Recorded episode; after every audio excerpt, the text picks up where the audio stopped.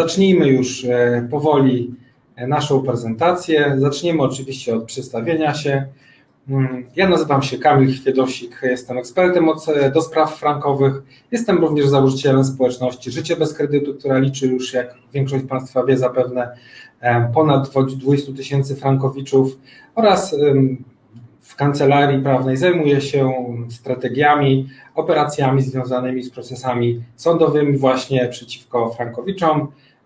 Prowadzimy już w ramach zespołu prawa finansowego i ekonomii znacznie ponad 500 spraw e, o ogromnej wartości, e, już niemal 400 milionów złotych. E, tyle może o mnie.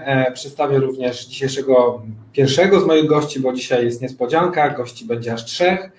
Znakomici goście, także zacznę od tutaj mojego pierwszego gościa. Panie Wojciechu, proszę się przedstawić, powiedzieć, czym się Pan zajmuje, żeby nasi goście wiedzieli, jakiego rodzaju informacje będzie, pan, będzie mógł Pan dzisiaj przedstawić. Dzień dobry, witam Państwa, witam Panie Kamilu. Ja jestem tak naprawdę osobą, e, jeżeli e, wejdą Państwo na naszą stronę w zakładkę kontakt i wybiorą pierwszy numer, e, najpewniej ja odbiorę ten telefon. Mm, jestem osobą zajmującą się tutaj działem sprzedaży w Centrum Prawa Finansowego i Ekonomii. Przygotowuję dla Państwa analizy, jak też również odpowiadam na wszelkie pytania związane z kredytami frankowymi. Bardzo miło nam.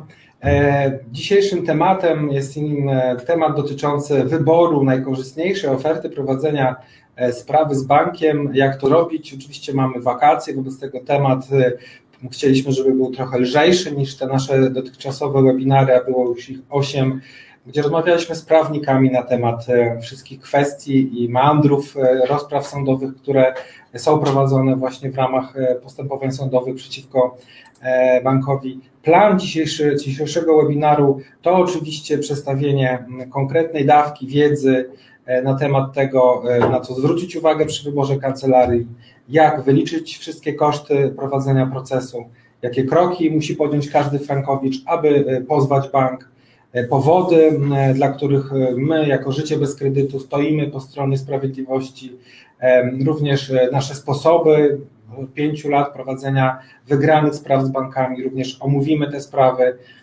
E, jak zwykle podczas webinaru, którego, który prowadzę, e, sporą część poświęcimy e, na sesję pytań i odpowiedzi, tak zwane QA, w którym odpowiemy na zadane przez Państwa pytania.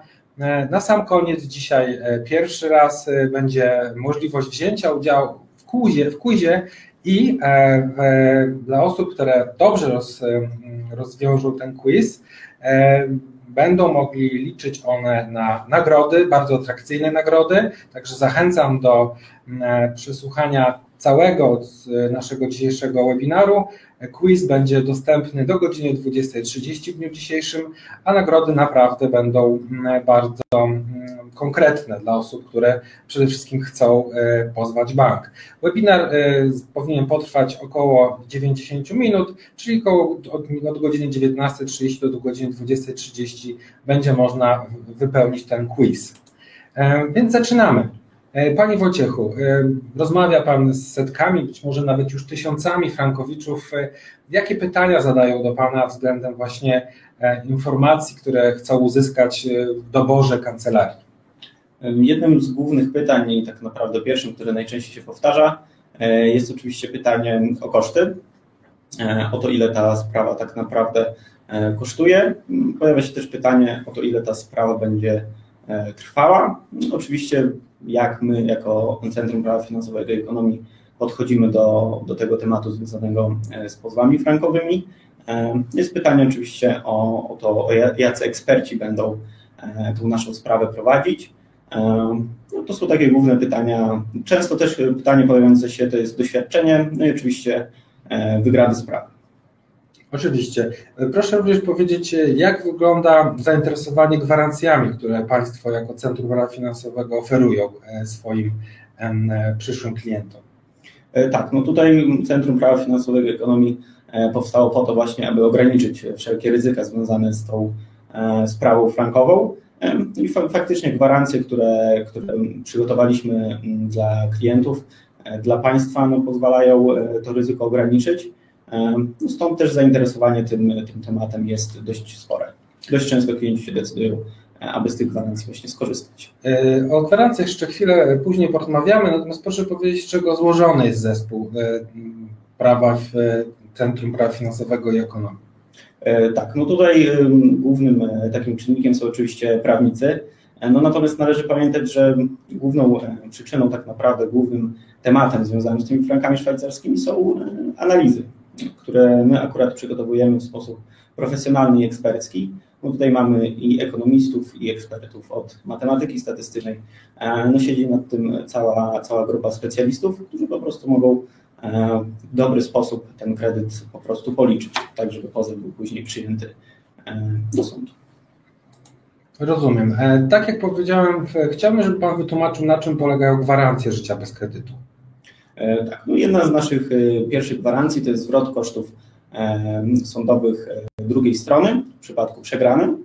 No i faktycznie tutaj za pierwszą instancję jest to 5400, za drugą 2700 i faktycznie możemy te, te koszty w przypadku przegranej oczywiście no są one po prostu zwracane klientom. Także no to ryzyko, dodatkowo to ryzyko finansowe ograniczamy w znaczny sposób. Okej, okay. na czym wobec tego polega również obniżenie gwarancji, gwarancja obniżenia o 3 punkty procentowe success fee w przypadku prawomocnego zakończenia postępowania? Czy to jest w ogóle możliwe, że będzie to miało miejsce? Tak, jak najbardziej są możliwe takie wyroki. Myślę, że w niedalekiej przyszłości te sprawy będą kończyły się właśnie po pierwszej instancji. No i w tym przypadku faktycznie 3 punkty procentowe niższe jest success fee dla naszych klientów. No, tak jak pamiętam ze spraw chociażby towarzystw ubezpieczeniowych, które tak jak teraz banki kiedyś jak lwy broniły swoich polisolokat, które oczywiście okazały się koniec końców w większości nieważnymi polisolokatami, również sprawy toczyły się aż przez dwie instancje, natomiast obecnie sytuacja wygląda w ten sposób, że w zasadzie każda firma dotycząca, która miała takie polisolokaty, już albo chce zawrzeć ugodę na, w sądową, albo w ogóle nie składa apelacji, także uważam, że faktycznie ta gwarancja ma swój sens. Czy w przypadku wniosku o zawieszenie płatności rat, czyli w ramach zabezpieczenia roszczenia, klienci są zainteresowani takim rozwiązaniem, aby nie płacić po złożeniu pozwu? Tak, oczywiście. No tutaj jest to, jest to bardzo atrakcyjne, atrakcyjne narzędzie dla klientów i faktycznie no, można skorzystać z tej promocji i rzeczywiście to zabezpieczenie udzielić. No, natomiast oczywiście tutaj o tym decyduje sąd, ale my oczywiście w cenie prowadzenia tej, tego postępowania możemy takie zabezpieczenie złożyć po prostu wniosek do sądu. Oczywiście. Jeżeli będą Państwo mieli więcej pytań, oczywiście później w sesji Q&A czy telefonicznie z Panem Wojciechem mogą Państwo to omówić. Panie Wojciechu, proszę powiedzieć, jak Frankowicz powinien wyliczyć koszty prowadzenia tego procesu sądowego z bankiem? Tak, tutaj wracamy też do tego najczęściej zadawanego pytania dotyczącego właśnie kosztów tej, tej całej sprawy. Co się składa może najpierw na ten koszt? Jak też możemy wyliczyć to, to, nasze, to nasze roszczenie? No przede wszystkim każda ze spraw jest wyliczana indywidualnie. Do tego potrzebne nam są dokumenty, czyli umowa kredytowa oraz wszelkie aneksy.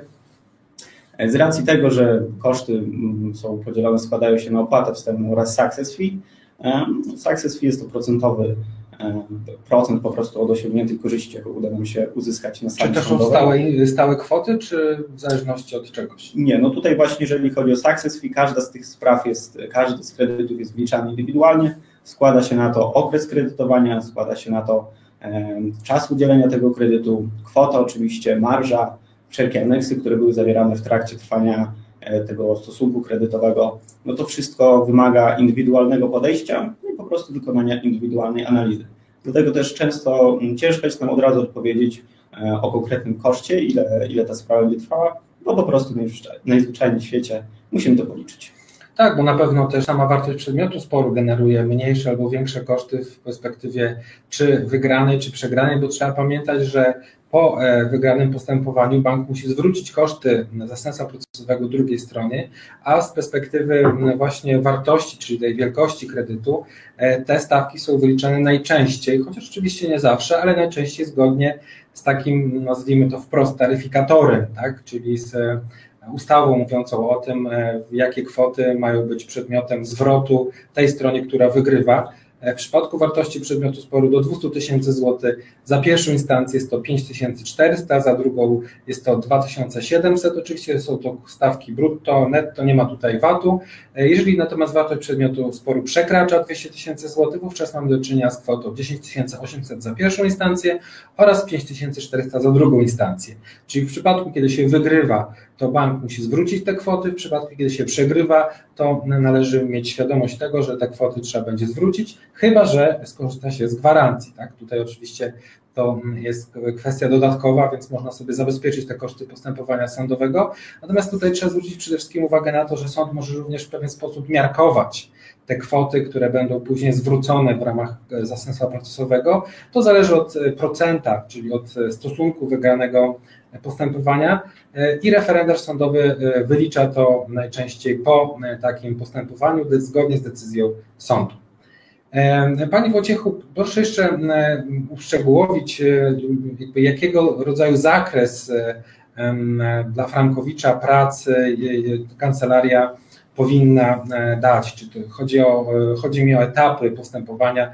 Mógł Pan pokrótce je omówić i też przedstawić, w jakim zakresie kancelaria bierze na siebie odpowiedzialność, w jakim klient sobie musi radzić, radzić po prostu sam. Tak, no tutaj tak naprawdę od momentu podpisania e, umowy rozpoczyna się współpraca. E, to, co dla Państwa przygotujemy, przygotowujemy, to jest wniosek o e, udzielenie historii rad, historii spłat tego kredytu oraz przygotowujemy reklamację. No i tutaj faktycznie klienci sami, są, sami składają te, te wnioski do banku, czy to mailowo, czy też pocztą. No i tak naprawdę tutaj praca, czy ten wkład klienta E, w tą całą sprawę kończy się. E, my otrzymując takie zaświadczenie, przygotujemy, przygotowujemy pozew. Zajmuje nam to około tydzień, dwa. Wiem, że w niektórych kancelariach jest to nawet pół roku. E, także działamy szybko. Działamy szybko w interesie państwa. Chodzi o zatrzymanie biegu przedawnienia rad, tak aby więcej nie tracić, no i żeby ta sprawa jak najszybciej zaczęła swój bieg. Państwa polskiego czy Frankowiczów? Oczywiście państwa Frankowiczów. Okej, okay, tutaj tylko doprecyzuję, e, bo w kwestii e, po co w ogóle jest to zaświadczenie? Czy ono do czegoś służy przed złożeniem pozwu? No tak, tutaj oczywiście na zaświadczenie opieramy na tą wartość przedmiotową sporu, o której e, wspomniał Pan Kamil. E, po prostu jest nam potrzebne, żeby, żeby dobrze wyliczyć wszelkie no, koszty, tak? wszelkie korzyści, jakie można, można osiągnąć. E, czy są banki, gdzie nie trzeba składać takiego wniosku i można pobrać sobie z e, historii e, płatność takich rad? Tak, jak najbardziej. No tutaj mamy na przykład taką, taką sytuację w banku, czy też w Milenium, korzystając z Milenetu, można to sobie mm, pobrać, nie z tym problemu. Tak, oczywiście instrukcja nie jest trudna, zapewne każdy frankowicz może ją bez problemu otrzymać informację mailem. Proszę powiedzieć również, e, rozumiem, że po złożeniu tego pozwu w ciągu 7-14 dni e, postępowanie trwa. Jak wiemy, może ono trwać różnie. Są sprawy, które się kończą w pierwszej instancji już po 10 miesiącach, są takie, które dopiero po dwóch, po trzech latach prawomocnym wyrokiem. Ostatni wyrok prawomocny, e, który tutaj uzyskał członek społeczności życia bez kredytu, był w zasadzie w punkt w 3 lata. Także jest to również bardzo mm, szybko e, zakończone postępowanie. Natomiast co się dzieje później? Czy później również e, kancelaria e, w pewien sposób ochrania Frankowicza, bo wiele się mówi o jakichś działaniach, oczywiście tyle, że się mówi, nie są one prawdziwe, ale banki straszą jakimiś działami odwetowymi, nazwijmy to. Tak, no to, co jest kluczowe, to kontakt z nami i nasza dostępność. Na każdym etapie w trakcie trwania tej, tej sprawy jesteśmy do Państwa dyspozycji tak naprawdę możemy o każdej porze praktycznie odbieramy telefony i odpowiadamy na wszelkie pytania. No tutaj dajemy pełną e, jakby ochronę, pełną możliwość udzielenia tych odpowiedzi, no tak, żeby ten proces przebył jak najbardziej spokojnie, żeby zadbać tutaj e, o ten komfort e, psychiczny naszych klientów. No i co też jest ważne, co chciałem zwrócić uwagę, to opłata wstępna, która jest transparentna i jest jedna. My tutaj, pobierając tą opłatę wstępną, zajmujemy się tą sprawą na przestrzeni no, średnio tych trzech lat, od A do Z, to znaczy od momentu złożenia pozwu aż do e, pierwszej, drugiej instancji, czy też apelacji nawet. E, także tu już w trakcie nie pobieramy żadnych innych opłat. Co też wiem, że niektóre, niektóre z kancelarii takie opłaty za na przykład pojawienie się w sądzie, czy też za jakąś rozprawę pobierają. My tutaj bez znaczenia na to, ile tych rozpraw będzie. No jest to jedna transparentna opłata, także też już o nic dalej nie trzeba się martwić, a my jesteśmy dostępni praktycznie zawsze i odpowiadamy na wszelkie pytania. Czy kancelaria zajmuje się również egzekucją pieniędzy, wypisaniem banku z hipoteki, jeżeli wyrok będzie stwierdzający nieważność takiej umowy? Y, tak, jak najbardziej. Oczywiście świadczymy też taką, e, taką pomoc w tym zakresie. E, czym jest tutaj na samym końcu ostatni punkt rozszerzona gwarancja ochrony do trzech lat po wyroku? Czego to jest ochrona? Tak, no tutaj jest to słynny straszak banków, pozew o korzystanie z kapitału, nieuczciwe korzystanie z kapitału. No tutaj faktycznie z racji tego, że dla banku przedawnienie wynosi 3 lata, no my po tym procesie właśnie te 3 lata możemy jeszcze Państwa, udzielając tej gwarancji, Państwa po prostu ochronić. My wiemy, że takie pozwy są bez sensu, są oparte na są oparte tak właściwie o żadne przepisy. Takie po prostu, nawet jeżeli zostanie złożone, to zostanie oddalone na pierwszym postępowaniu, co zresztą też miało już miejsce nieraz. Tak, dokładnie, biorąc pod uwagę żadnych skutecznych pozwów o zapłatę ze strony banków o korzystanie z kapitału nie ma. Natomiast to, co jest skuteczne, to w drugą stronę Rzecznik Finansowy już kilka miesięcy temu pozwał pierwszy bank, Raiffeisen Bank International, były Polbank, który to e, właśnie został pozwany za to, że e, mówiąc wprost straszył swoich klientów tym, że po unieważnieniu takiej umowy bank będzie dochodził przeróżnych e, opłat, co oczywiście okazało się e, absolutnie bez podstawy prawnej, dlatego też Rzecznik Finansowy zdecydował się pozwać ten bank. Na razie e, to przycichło, inne banki już nie wykonują tego rodzaju nieuczciwych praktyk rynkowych. Proszę powiedzieć również, jak wygląda analiza takiej umowy, bo tutaj mówił Pan o tym, że ta analiza pozwoli oszacować koszty i ryzyka czy w, mógł Pan przybliżyć, jak, jak obszerna jest ta analiza i co w niej może Frankowicz bezpłatnie oczywiście w ramach takiego przesłania umowy czy, czy, czy umowy z aneksami otrzymać?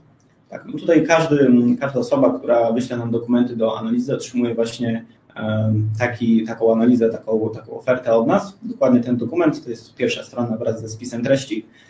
W tej analizie kluczowe jest to, że znajdą tam Państwo e, klauzule abuzywne, czy niedozwolone, które są w Państwa umowy kredytowej. Będą one wyszczególnione tak, że można sobie to porównać, patrząc na umowę i patrząc też na tą naszą analizę. Oczywiście, jeżeli jest to możliwe, bo czasami klauzule abuzywne były zawierane w regulaminach, no, które są standardowe. W tej analizie też kluczowym czynnikiem jest punkt trzeci, czyli analiza finansowa w trzech wariantach. I tutaj y, tak naprawdę ta nasza analiza zawiera około 30 stron. E, często klienci dzwonią i mówią, że mają czasu przeczytać wszystkiego, dlatego tutaj e, zapraszam do tego trzeciego rozdziału. E, no tutaj tak naprawdę wszystko mm, jest przedstawione czarno na białym, jak oczywiście z danym scenariuszem ta sprawa może się rozwiązać, jaka korzyść może, może po prostu klient osiągnąć. Tak. W, za chwilkę wrzucimy tutaj na czacie link. E, e, Panie Asiu, analiza jest bezpłatna. Za chwilę wrzucimy na czacie link, e, gdzie będą mogli Państwo na spokojnie wypełnić formularz kontaktowy, żeby później móc się właśnie skontaktować i wykonać taką analizę. Ta analiza, którą tutaj widzimy, jest oczywiście przykładowa, dotyczy to jednego z naszych już obecnie klientów, który ma, miał kredyt na wysokości bodaj 400 tysięcy złotych. Jak widać, samo odfrankowanie to jest korzyść y, niemal 300 tysięcy, czyli jest to zwrot y, y, prawie 100 tysięcy na rachunek bankowy, zmniejszenie salda kredytu o 200 tysięcy, co powoduje fakt tego, że mm, na przyszłość konsument już nie musi się przejmować ryzykiem frankowym, gdyż w umowie zostaje LIBOR z frankiem, przepraszam, LIBOR bez franka, czyli mamy kredyt złotówkowy z LIBORem, E, i w konsekwencji również dużo e, obniża się rata takiego kredytu. E, mamy również dwie teorie dotyczące ustalenia, czy też przesłankowo zapłaty z tytułu nieważności umowy. To ta sytuacja będzie niedługo rozpatrzona między innymi przez Sąd Najwyższy. Z tej perspektywy chciałem tylko tyle powiedzieć, że biorąc pod, pod uwagę osoby, które są w sytuacji, w której spłacały franki, to te dwie teorie nie za wiele się różnią. W przypadku tego, że mamy teorię dwóch kondykcji, klient później otrzymuje zwrot złotówek oraz franków, co oczywiście w późniejszym terminie mm, przedstawimy. Natomiast jeżeli chodzi o teorię salda, klient również nie ma umowy, bank musi wypisać y, się z hipoteki, czy też wypisujemy e, z hipoteki kredytobiorcy, a w szczególności biorąc w tej chwili e, pod uwagę fakt tego, że zwrot e, również klient otrzymuje franków. Za chwilę, tak jak powiedziałem, udostępnimy Państwu mm, ten konfigurator, natomiast w ramach porównania oferty, czym jest konfigurator ofert i kiedy klient go dostaje? Konfigurator ofert stworzyliśmy e, specjalnie dla Państwa, e, po to, aby tą ofertę dobrać e, idealnie do, do swoich potrzeb. Link do tego konfiguratora wraz z hasłem każdy klient otrzymuje po wykonaniu analizy. Tak naprawdę dostajemy dokumenty, wykonujemy analizę i razem z tą analizą otrzymują Państwo link do, do konfiguratora, gdzie właśnie pokaże się taki widok, w którym można sobie wybrać wariant, opłaty wstępnej e, oraz e, success fee. Można to też e, rozdzielić na, na dogodne raty. Mamy suwak, no, działa to podobnie jak kalkulator leasingu na przykład na jakiejś stronie. Także no jest to narzędzie, które w jeszcze lepszy sposób może tą, tą ofertę do Państwa dostosować, no tak aby ona odpowiadała indywidualnym, indywidualnym warunkom i potrzebom każdego klienta. Świetnie. E, dziękuję Panie Wojciechu za dzisiejszą wizytę. E, w, w tej chwili e, zaraz zaprosimy kolejnego gościa, natomiast absolutnie mają Państwo teraz chwilę na to, aby na spokojnie wypełnić ten konfigurator i wracamy za minutę, dwie po króciutkiej przerwie, abyście mogli Państwo, proszę się oczywiście nie rozłączać, my tylko udostępnimy tutaj kolejny slajd z naszymi mm, informacjami dotyczącymi właśnie postępowania. E, Panie Wojciechu, w jaki sposób można skontaktować się z Panem, żeby uzyskać informacje odnośnie e, kredytu i jakie są kroki do tego? Już tak na koniec, jakby Pan powiedzieć. Oczywiście. E, tutaj zapraszamy na stronę życiebezkredytu.pl. W prawym górnym rogu mamy zakładkę kontakt. Jest tam numer telefonu albo do mnie, albo do mojej koleżanki Basi Wysockiej, która również jest do Państwa dyspozycji. Pozdrawiamy Panią Basię. Serdecznie pozdrawiam z tego miejsca e, i oczywiście zapraszamy do wypełnienia, pozostawienia, wypełnienia formularza kontaktowego. E, po wypełnieniu formularza otrzymają pan, Państwo od nas dwa maile. W jednym będzie instrukcja mówiąca o dalszych krokach, a tym dalszym krokiem jest przesłanie dokumentów, czyli umowy kredytowej oraz wszelkich aneksów. Także zapraszam serdecznie do kontaktu i mam nadzieję do usłyszenia i zobaczenia. Dziękuję. Dziękuję bardzo. Pozdrawiam.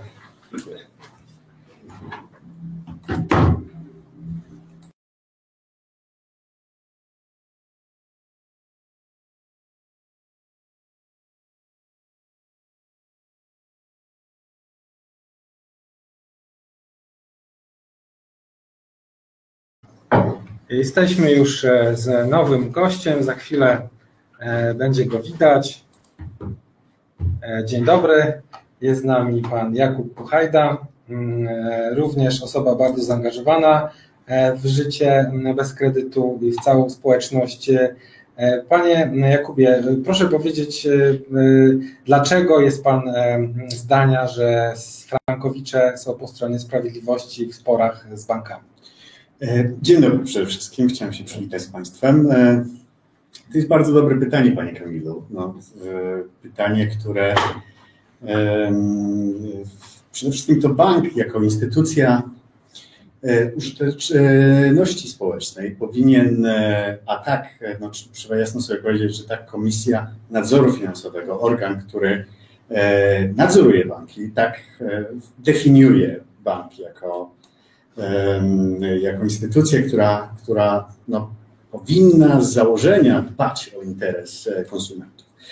I mm, w, banki przede wszystkim tego nie robiły. No, banki e, oferowały e, kredyty walutowe z no, pseudowalutowe. Pseudowalutowe, mhm. oczywiście, tak zwane kredyty frankowe, mhm. tylko i wyłącznie z chęci e, własnego zysku. Bo nie było żadnego innego powodu, dlaczego banki oferowały te kredyty po prostu po to, żeby zarobić. I oczywiście nie jest nic złego, że instytucja finansowa zarabia, tak? E, ale w momencie, kiedy e, z chęci zarobku, z chęci wzbogacenia się dochodzi do łamania prawa, co w tym przypadku. Stosowanie nieuczciwych klauzul, tak zwanych abuzywnych, dokładnie. Albo nawet, nawet nieinformowania w odpowiedni sposób.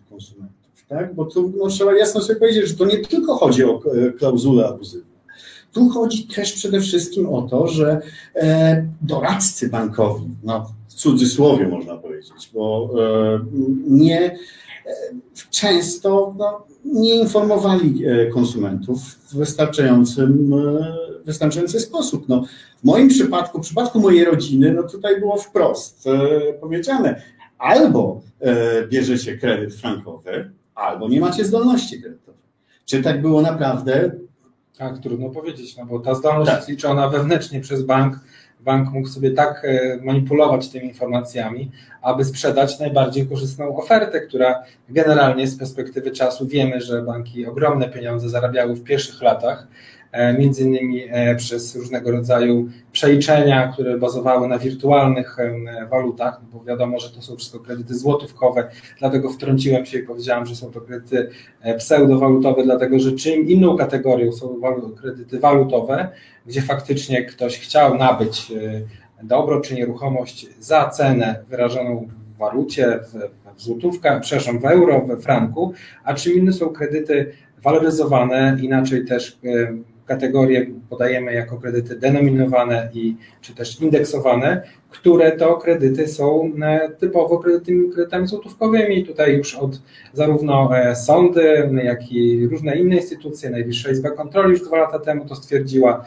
Oczywiście sądy, e, tutaj powiedzmy UOKiK, Rzecznik Finansowy, nie ma żadnych wątpliwości zarówno co do tego, że klauzule są abuzywne, co do drugiej sytuacji, to że na pewno banki nie, nie wypłacały nigdy złotówek, franków, przepraszam, dlatego że świadczenie, czyli cel kredytu nierozerwalnie związany zgodnie z artykułem 69 prawa bankowego z kredytem musi być właśnie wyrażony z, jako esencjali negocji, czyli warunek główny z, w złotówkach. Natomiast e, tutaj pani Magda też potwierdza to, że mm, powiedziano albo kredyt frankowy, albo brak zdolności. Jestem ciekawy, jak u Państwa ta sytuacja wyglądała. Jakbyście mogli Państwo napisać na czacie, to byśmy wiedzieli, czy u Państwa sytuacja była podobnie, jak tutaj mój przedmówca e, był uprzejmy podkreślić. E, jeszcze tylko wrócę do pytania Pani Ewy. Analiza trwa do trzech dni. Tutaj nie ma zbyt długiego czasu oczekiwania. Natomiast jak Pan odbiera e, po powiedzmy e, kilkunastu już latach e, te zmiany w kredycie? Czy one były, były możliwe do oczekiwania, czy w ogóle trudno było w jakikolwiek sposób zrozumieć, że cały kredyt będzie uzależniony od franka, a nie tylko jego rata i jeżeli rata, to w jakim zakresie? Przede wszystkim no tutaj w, nie tylko w naszym przypadku, ale w, z tego, co dochodzą mnie słuchy, to wiele osób e, miało zapewnienia ze strony banku, że tutaj jest to kredyt bardzo bezpieczny, że, ta, e, że frank jest stabilną walutą, która się nie, e, nie ma prawa wzrosnąć powyżej jakiegoś tam pułapu, tak? pokazywane były wykresy. I mm, oczywiście, że że był wielki szok, tak? E, nie tylko, nie tylko dla mojej rodziny, która dzisiaj prawie e, spłaca dwukrotnie większą ratę niż w momencie zaciągania kredytu. Mhm. E, to jest jedna rzecz. Już nie mówię o, o saldzie, tak? gdzie w momencie, kiedy kapitał jest de facto spłacony, a, a kredyt wcale nie zmala. No właśnie, bo w, z tego co wiem, to w Pana przypadku sytuacja jest taka, że kapitał jest większy niż pierwotnie, a i tak już jest e, spłacony, nawet e, nominalnie ta wartość, więc to już w ogóle jest absolutnie abstrakcja, dlatego że o ile jeszcze klienci mieli e, około 30 powiedzmy lat taki kredyt, to w przypadku, kiedy ktoś miał krócej 15 lat czy 20, to najczęściej właśnie dochodzi do takiej sytuacji. Mamy tutaj e, pytania mm, od pana Janusza odnośnie tego, o czym rozmawiamy. Czy jeżeli napisaliśmy, że bank E, że bank oszukał frankowiczów, czy wytaczamy sprawy karne bankom za oszustwo. Rozumiem, że chodzi o artykuł 286 e, kodeksu karnego. Oczywiście takie postępowanie jest, panie Janusz, już prowadzone. Prowadzi e, je prokuratura regionalna w Szczecinie z udziałem Agencji Bezpieczeństwa Wewnętrznego. Jest to prowadzone z tego, co pamiętam, od przynajmniej czterech lat. E, wielu frankowiczów, których znam, e, składało już swoje wyjaśnienia. W związku z tym, że sprawa jest obszerna, to oczywiście postępowanie przygotowawcze e, karne jeszcze trwa. Nie są mi znane w tej chwili, zresztą nikomu nie są znane można powiedzieć, tezy, które prokuratura będzie chciała postawić, czy, czy uważa, że będzie stosowne za postawienie bankom. Natomiast no, to jest bardzo długa droga dochodzenia roszczeń. Taki proces karny, nawet jeżeli byłby wytoczony, myślę, że trwałby przynajmniej 10 lat, być może nawet więcej z uwagi na obszerność materiału dowodowego w postępowaniu karnym. W tym przypadku ja osobiście e, prowadzę postępowanie dla ponad 100 e, również pokrzywdzonych osób, e, przy czym to jest, nie są sprawy dotyczące kredytów frankowych, a nie nieuczciwej działalności firm forexowych. No i ta sprawa jeszcze, można powiedzieć, na dobre się nie zaczęła, a już trwa 5 lat. Także tutaj akurat przy takich dużych aferach prawo karne jeszcze póki co dobrze nie funkcjonuje. Czym innym są sprawy cywilne, tak jak tutaj mamy również e, na sladzie napisane, e, ponad 90% spraw e, to są wygrane członków społeczności życia bez kredytu, a są takie miesiące, bo ta statystyka się cały czas poprawia, że w lipcu było 100% wygranych spraw, przy czym co jest bardzo ważne, 15 wyrok, na 15 wygranych spraw 14 to było unieważnienie umowy, a tylko jedna odfrankowanie, oczywiście zero spraw przegranych. Także mm, biorąc pod uwagę mm, odpowiedź pana Janusza i doprecyzowania pytania, E, czy postępowanie w Szczecinie to PIC, e, czy my składamy takie pozwy. E, panie Januszu, nie składa się pozwów w sprawach karnych, składa się doniesienie o popełnieniu przestępstwa. Jeszcze raz powtórzę, że takie postępowanie nie byłoby skuteczne w, w takim krótkim okresie, w jakim właśnie mówimy teraz, że do 2 do 3 lat w sprawie E, sprawie cywilnej. Patrzę tutaj jednym okiem już na pytania. E, pani Iza również potwierdza to, co tutaj, o czym rozmawiamy, że powiedziano, że najbardziej stabilną walutą jest frank, e, więc kredyt we franku jest najkorzystniejszy i najtańszy. Pani Monika też to potwierdza już w 2005 roku, pan Andrzej również w 2005 roku. E, pan Marcin pyta się, czy zajmujemy się e, sprawami przeciwko dawnemu Fortis. Oczywiście tak, natomiast mamy na to e, całą jedną sekcję naszego webinaru za kilkanaście minut. Proszę z nami zostać, będzie Pan dokładnie wiedział nasze case study w tym przypadku. Przepraszam, zabrałem trochę Panu głos, ale chciałem się odnieść do, do pytań tutaj naszych gości. Jak ocenia Pan bo mówiliśmy tutaj instytucji zaufania publicznego, bo o tyle, o ile można zrozumieć, że wówczas banki chciały, korzystając z tych klauzul niedozwolonych, dodatkowo zarobić, czy one teraz, e, już w perspektywie czasu, zmienili się ludzie, zarządy, e, w ogóle czują jakiegoś rodzaju odpowiedzialność społeczną, czy brną dalej w to, co pierwotnie sobie zaplanowały? No, to, jest, to jest bardziej pytanie do Państwa, bo to Wy E, spotykacie się z, z bankami na e, sali sądowej e, i to no, najlepszym przykładem jest to, że, że no, odpowiedź na to pytanie jest de facto prosta, bo jeżeli banki by poczuwały się do jakiejkolwiek odpowiedzialności, to chociażby każdy frankowicz, który o, ile się nie mylę, każdy frankowicz, żeby złożyć pozew, to musi najpierw złożyć reklamację do banku. Tak? tak i, I proszę mi powiedzieć, jaki procent tych reklamacji, jaki procent banków chce się dogadać, nie iść do sądu? E, ile, ile się Państwu zdarzyło? Zero.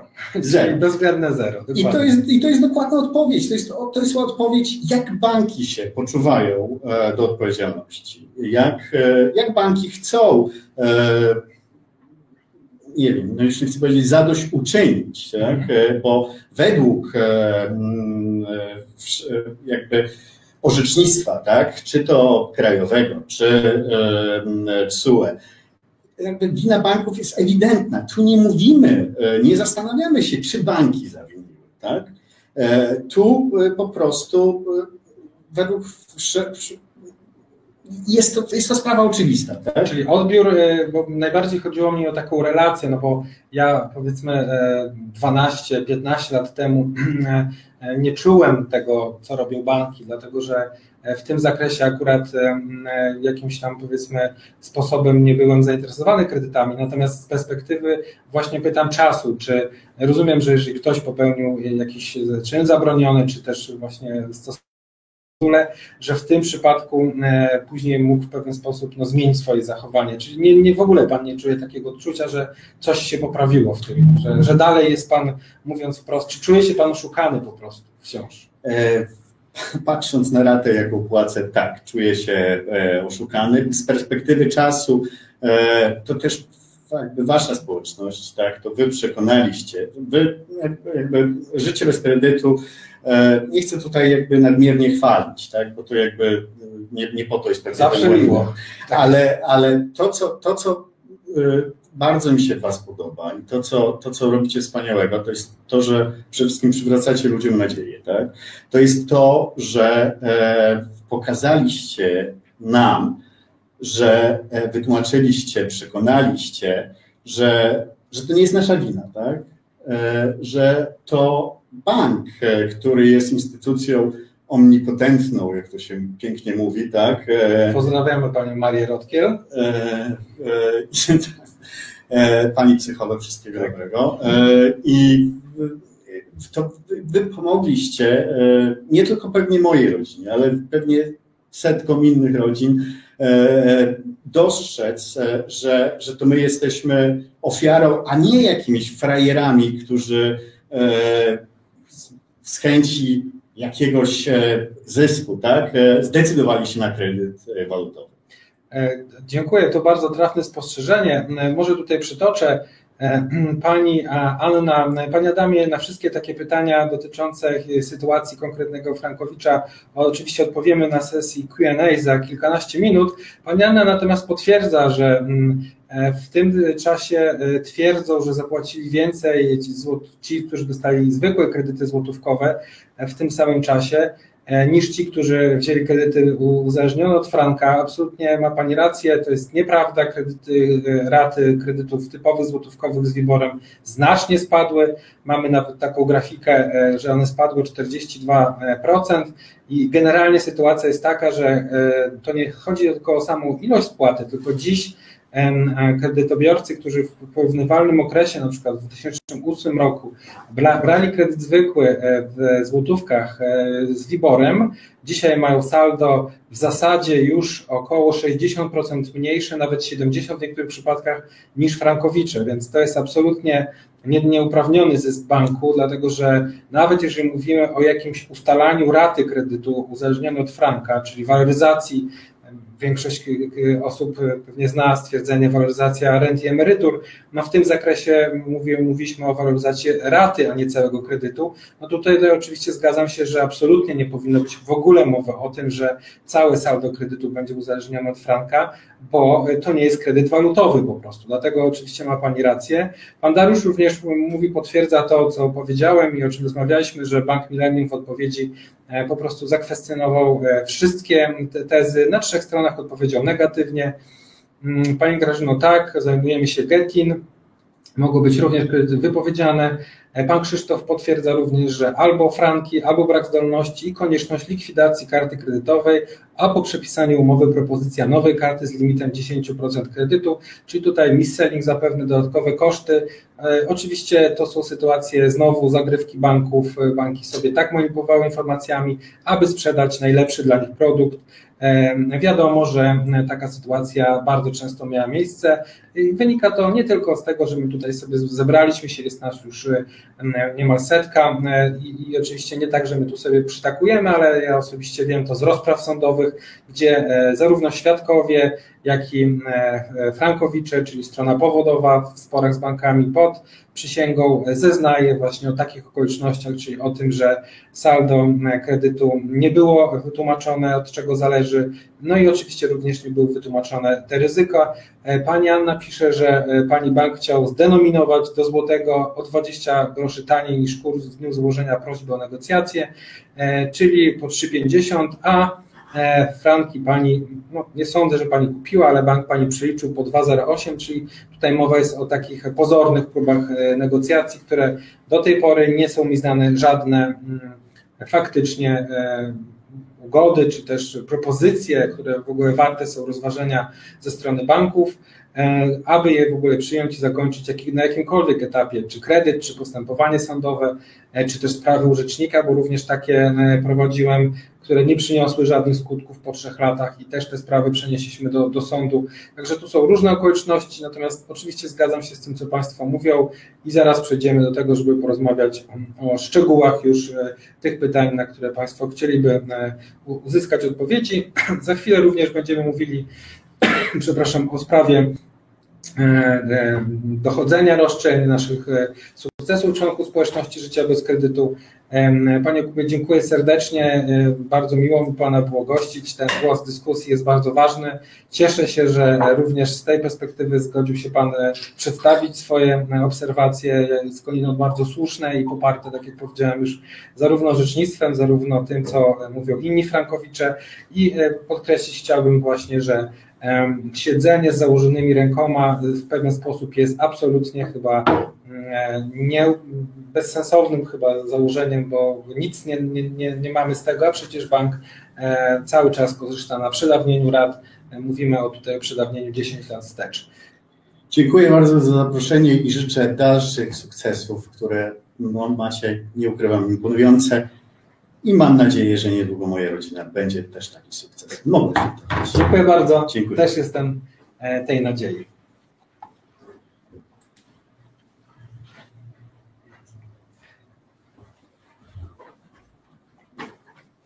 Pozdrawiam również naszych widzów z Facebooka. E, e, witam e, pan Mariusz Galeski. Dobrze, pan Mariusz się e, przysunął do okienka. Dzień dobry, witam. Dzień dobry, ale fajnie z tej strony. Tak. E, no, pan Mariusz e, pewnie bardzo chętnie odpowiedziałby na kilka pytań. Zanim do tego dojdzie, to jeszcze tylko stwierdzę, w jaki sposób wygląda w ogóle powództwo, w jaki sposób można kreować roszczenia. Mamy tutaj roszczenia ustalenia abuzywności klauzul waloryzacyjnych w sentencji wyroku, czyli tak zwane stwierdzenie abuzywności. Wpływa to, tak jak już wcześniej mówiłem przy okazji analizy, na odfrankowaniu całej umowy, zarówno wstecz, jak i na przyszłość, co jest bardzo ważne, czyli nie ma problemu z nowym harmonogramem, harmonogramem spłat. Oczywiście zmniejszenie salda kredytu, raty oraz e, zwrot nadpłat, to jest wszystko około 30-33% tych kwot, które do tej pory e, widnieją na, na koncie, no i uwolnienie się oczywiście od e, ryzyka kursowego, Mamy tutaj również teorię salda, teorię dwóch kondykcji, czyli różne teorie przy nieważności umowy, to jest punkt drugi, trzeci naszej analizy, jeżeli Państwo znają albo będą mieli sposobność zapoznaniem z niej. Y, dotyczy to przede wszystkim sposobów rozliczenia e, nieważności stron, czyli mówiąc wprost, e, omówimy sobie na podstawie wyroków, które niedługo Państwu przedstawimy, również błędy w teorii salda, E, czyli które niektóre są, niektórzy sędziowie stosowali w pierwszej instancji, chociażby wczorajszy wyrok potwierdził w sądzie apelacyjnym, że teoria salda jest niewłaściwa i sądy powinny raczej stosować e, teorię dwóch kondykcji mm, i te właśnie mm, zasady conflicto sine causa e, będą omawiane na podstawie właśnie wyroków, które za chwilę się ukażą, również z powodu nieważności E, musi nastąpić zwrot dokonywany przez frankowiczów wpłat 10 lat wstecz, plus oczywiście odsetki, odsetki zasądzone od kwot, które wynikają z opóźnienia, są to ustawki, odsetki ustawowe. Obecnie jest to ponad 5% w skali roku. W perspektywie czasu po dwóch, trzech latach procesu jest to powiedzmy około 15% dodatkowego świadczenia, które musi bank uregulować. Omówimy również względy słuszności, czyli przedawnienie roszczeń banku, jak i oczywiście potwierdzimy, że aktualnie w orzecznictwie zdecydowanie panują e, dwie kondykcje. E, no i teraz przejdźmy e, może o kwestii związanej z faktycznie różnego rodzaju roszczeniami. Proszę powiedzieć, w jakim w Pana przypadku, jakiego roszczenie zostało uznane i jakie skutki przyniosło oczekiwane takie powództwo zakończone prawomocnym wyrokiem. Tak, więc e, jeśli chodzi o moją umowę, to tak jak, tak jak wspomniałeś, została e, ona, e, wygrałem prawomocnym wyrokiem i została stwierdzona nieważność umowy. Zastosowana tutaj teoria dwóch kondycji, tak, jeśli dobrze zrozumiałem, czyli de facto mój kredyt przestał istnieć, kilkaset tysięcy złotych, które wciąż byłem winny dla swojego banku, tak naprawdę więcej niż, niż de facto brałem w 2006 roku. E, kredyt, kredyt Fortis Banku, tutaj jeden z panów pytał, także jestem żywym przykładem tego, że, że można wygrać i można wygrać prawomocnym wyrokiem, a bank zasądził na, na moją korzyść wszystko, co zapłaciłem dla banku. Sąd, sąd zasądził sąd, od banku. Tak, tak, tak, oczywiście. Zasądził 10 lat wstecz wraz z odsetkami. Także OK, czyli w tym przypadku, e, mówiąc już konkretnie na case study, mamy sytuację tego rodzaju, że z takiego pozwu kaskadowego sąd sobie wybrał, uwzględnił e, roszczenie o zapłatę z tytułu nieważności na podstawie artykułu 410 w związku z artykułem 405 KC i na tej podstawie zasądził kwotę, o której tutaj powiedział pan e, Mariusz, czyli 10 lat wstecz, wszystkie wpłaty. Akurat w tym przypadku nie było nic przedawnione, bo pozew był złożony zanim jakakolwiek rata się przedawniła, więc to jest ogromna korzyść. Również w tym przypadku ma Pan możliwość dochodzenia roszczeń e, z, od dnia złożenia pozwu do dnia e, unieważnienia prawomocnego ten, tego, tego wyroku, czyli te wpłaty, które miały miejsce przez 3 lata. Co też mam zamiar uczynić. Myślę, że to jest bardzo dobry pomysł. E, natomiast tutaj w tym przypadku było również roszczenie ewentualne, czyli o zapłatę po wyeliminowaniu klauzul abuzywnych, czyli odfrankowaniu. Akurat sąd nie musiał przechodzić do badania tego scenariusza rozstrzygnięcia właśnie z uwagi na to, że uznał te roszczenie główne kaskadowo, ono było ułożone najwyżej, więc te wszystkie roszczenia ewentualne nie musiały być już przedmiotem rozpatrywania przez sąd. I tutaj chcę podkreślić to, co tutaj na dole mamy napisane, że roszczenie o ustalenie, czyli stwierdzenie nieważności w oparciu o artykuł 189 KPC nie jest tym samym, co roszczenie o zapłatę z tytułu nieważności.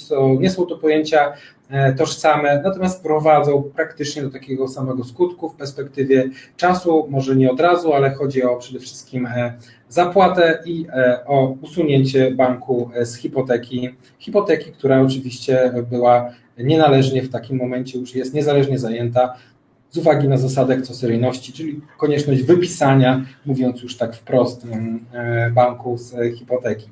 Na ustalenie nieważności umowy na podstawie artykułu 189 KPC przede wszystkim jest prokurowane oceną zgodności z prawem takiej umowy na chwilę zawarcia tej umowy, czyli nie, e, e, sąd nie ocenia okoliczności przy wydawaniu wyroku, tylko wstecz, czyli stwierdza, ustala, ustala nieważność tego stosunku umowy ex lenge, czyli na mocy prawa, ex tunc, czyli od samego początku. Ważna jest również deklaratoryjność wyroku stwierdzającego taką nieważność umowy, czyli ustalenie nieistnienia w ogóle takiego stosunku prawnego od samego początku, czyli od zawarcia umowy. To niesie również ze sobą skutki z uwagi na przedawnienie roszczeń, o tym co mówiłem, czyli bank ma prawo dochodzenia 10 lat od e, zawiązania takiego stosunku prawnego, czyli wypłaty pierwszej raty, co, e, co 3 lata, przepraszam, co te 3 lata już dawno minęły, wobec tego nie ma prawa dochodzenia tych roszczeń. Natomiast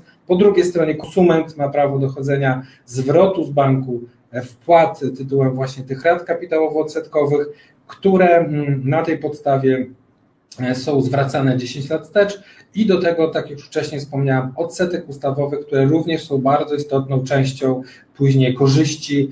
Średnio przy po 3 lata procesu E, za przy odzyskaniu powiedzmy jakiejś kwoty 100 tysięcy, relatywnie takie setki to są około nawet do 20 tysięcy złotych dochodzą, więc są to bardzo duże kwoty, e, które są również dodatkową korzyścią Frankowicza.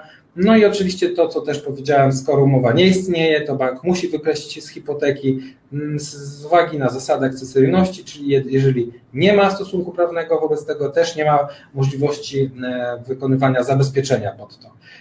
Tutaj pan Janusz pyta, czy już w pozwie frankowym dochodzicie zwolnienia z hipoteki. Nie ma takiej czynności prawnej, którą można by w tym zakresie akurat przeprowadzić. Natomiast już ustalenie nieważności umowy faktycznie powoduje, że jest to wpisane wprost wyrok i można od razu z tego skorzystać, czyli od razu po prawomocnym wyroku czy tytule E, wykonawczym udać się do sądu w celu wykreślenia, jeżeli bank łaskawie tego nie zrobi, poniesie oczywiście dalsze koszty tego. Jeżeli natomiast jest, jest zapłata z tyłu nieważności umowy na podstawie artykułu 58, e, no tutaj mamy do czynienia wówczas z koniecznością poczekania na uzasadnienie wyroku i wówczas tym uzasadnieniem wyroku po miesiącu można więc tutaj różnica jest powiedzmy kilku tygodni w e, dochodzeniu zwolnienia z hipoteki. Nie jest to zbyt długi okres, natomiast oczywiście jeżeli banki pójdą może kiedyś po rozum do głowy i nie będą chciały, e, już mówiąc wprost, pakować się dodatkowe koszty, być może same to będą robiły. No tutaj akurat e, chyba te kilka tygodni nie robią takiej różnicy z perspektywy trzyletniego procesu. Mm, czy odroczenie, Pani Anna pyta, spłat kredytu na pół roku z powodu koronawirusa zmienia sytuację? Nie zmienia. Mm, ile kosztuje sprawa wykreślenia z hipoteki? Nic nie kosztuje, to jest wszystko w ramach e, umowy z kancelarią. Pani Anna pyta się, czy że nas nie ogląda od początku, czy możemy omówić jakie koszty. Tak omówimy w sesji QA, która będzie niedługo, natomiast y, również będzie nagranie tego materiału, które będzie mogło Pani zapewne już y, jutro, y, być może jeszcze dzisiaj wieczorem obejrzeć na naszym e, fanpage'u, czy też na grupach Frankowicze Życie e, bez kredytu. E, przechodzimy do kolejnego slajdu. E, proszę powiedzieć również, e, jak Pan zareagował e, i czy długo Pan czekał na tytuł wykonawczy po prawomocnym wyroku? Mm, po prawomocnym wyroku czekałem na tytuł wykonawczy około trzech tygodni bodajże. Z uwagi na koronawirusa nie można było odebrać go osobiście. Czekaliśmy na, na tytuł przesłany przez pocztę. Obecnie też są trochę zawirowania w poczcie, więc, więc musieliśmy trochę poczekać. Jasne. Czytał, e, tak jak tutaj rozmawialiśmy, była zastosowana zasada dwóch kondycji, czyli nie dość, że unieważnienie kredytu, który był bardzo powszechny, zresztą do dziś jest uważany za sprawę nie do wygrania, e, udało się wygrać. Proszę powiedzieć, czy miał Pan trudność w odnalezieniu odpowiedniego zespołu ekspertów e, prawa finansowego ekonomii, którzy mogliby przeprowadzić takie postępowanie?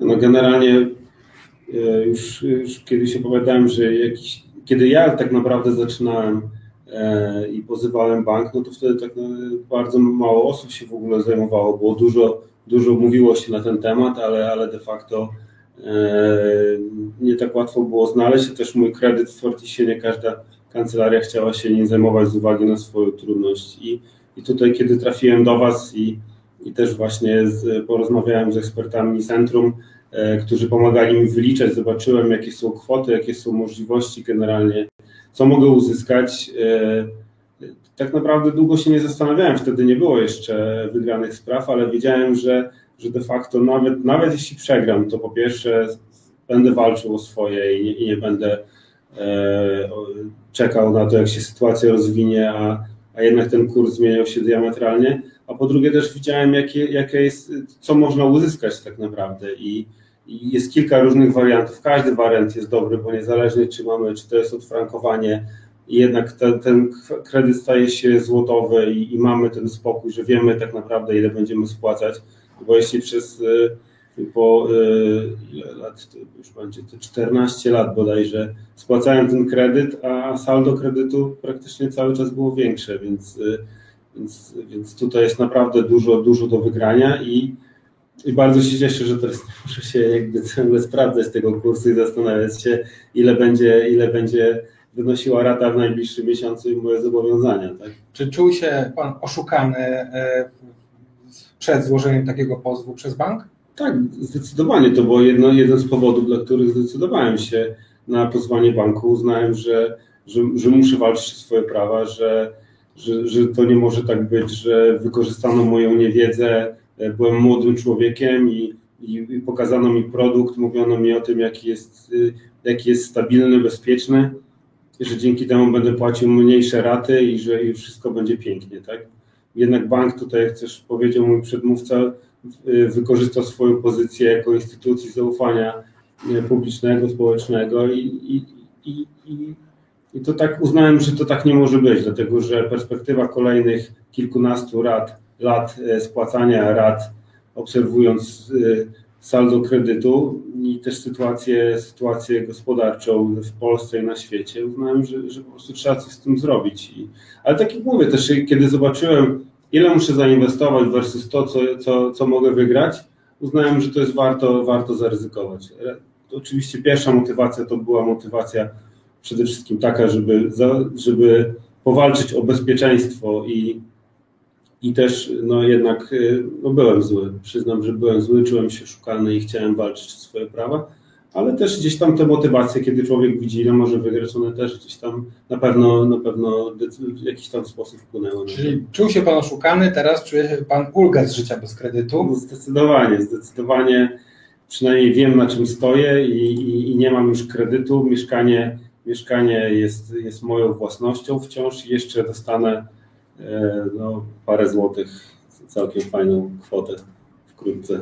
Tak wygląda właśnie tytuł wykonawczy, Szanowni Państwo, e, wydany w imieniu Rzeczypospolitej Polskiej e, niedawno. Ten pierwszy wyrok, ten, który tutaj macie Państwo, to jest wyrok z pierwszej instancji z kwietnia 2019. Co ciekawe, wtedy, wtedy sąd, sąd powiedział, że okej, okay, umowa, umowa zawiera klauzule niedozwolone. Mhm. Ja będę mówił trochę prostszym językiem, bo jestem prawnikiem, to zawiera klauzule niedozwolone, ale jednocześnie utrzymał tą umowę w mocy, co jak rozumiem no, nie miało do, do końca tak naprawdę sensu, bo bez tych klauzul ta, ta umowa tak naprawdę nie istniała, więc rzeczywiście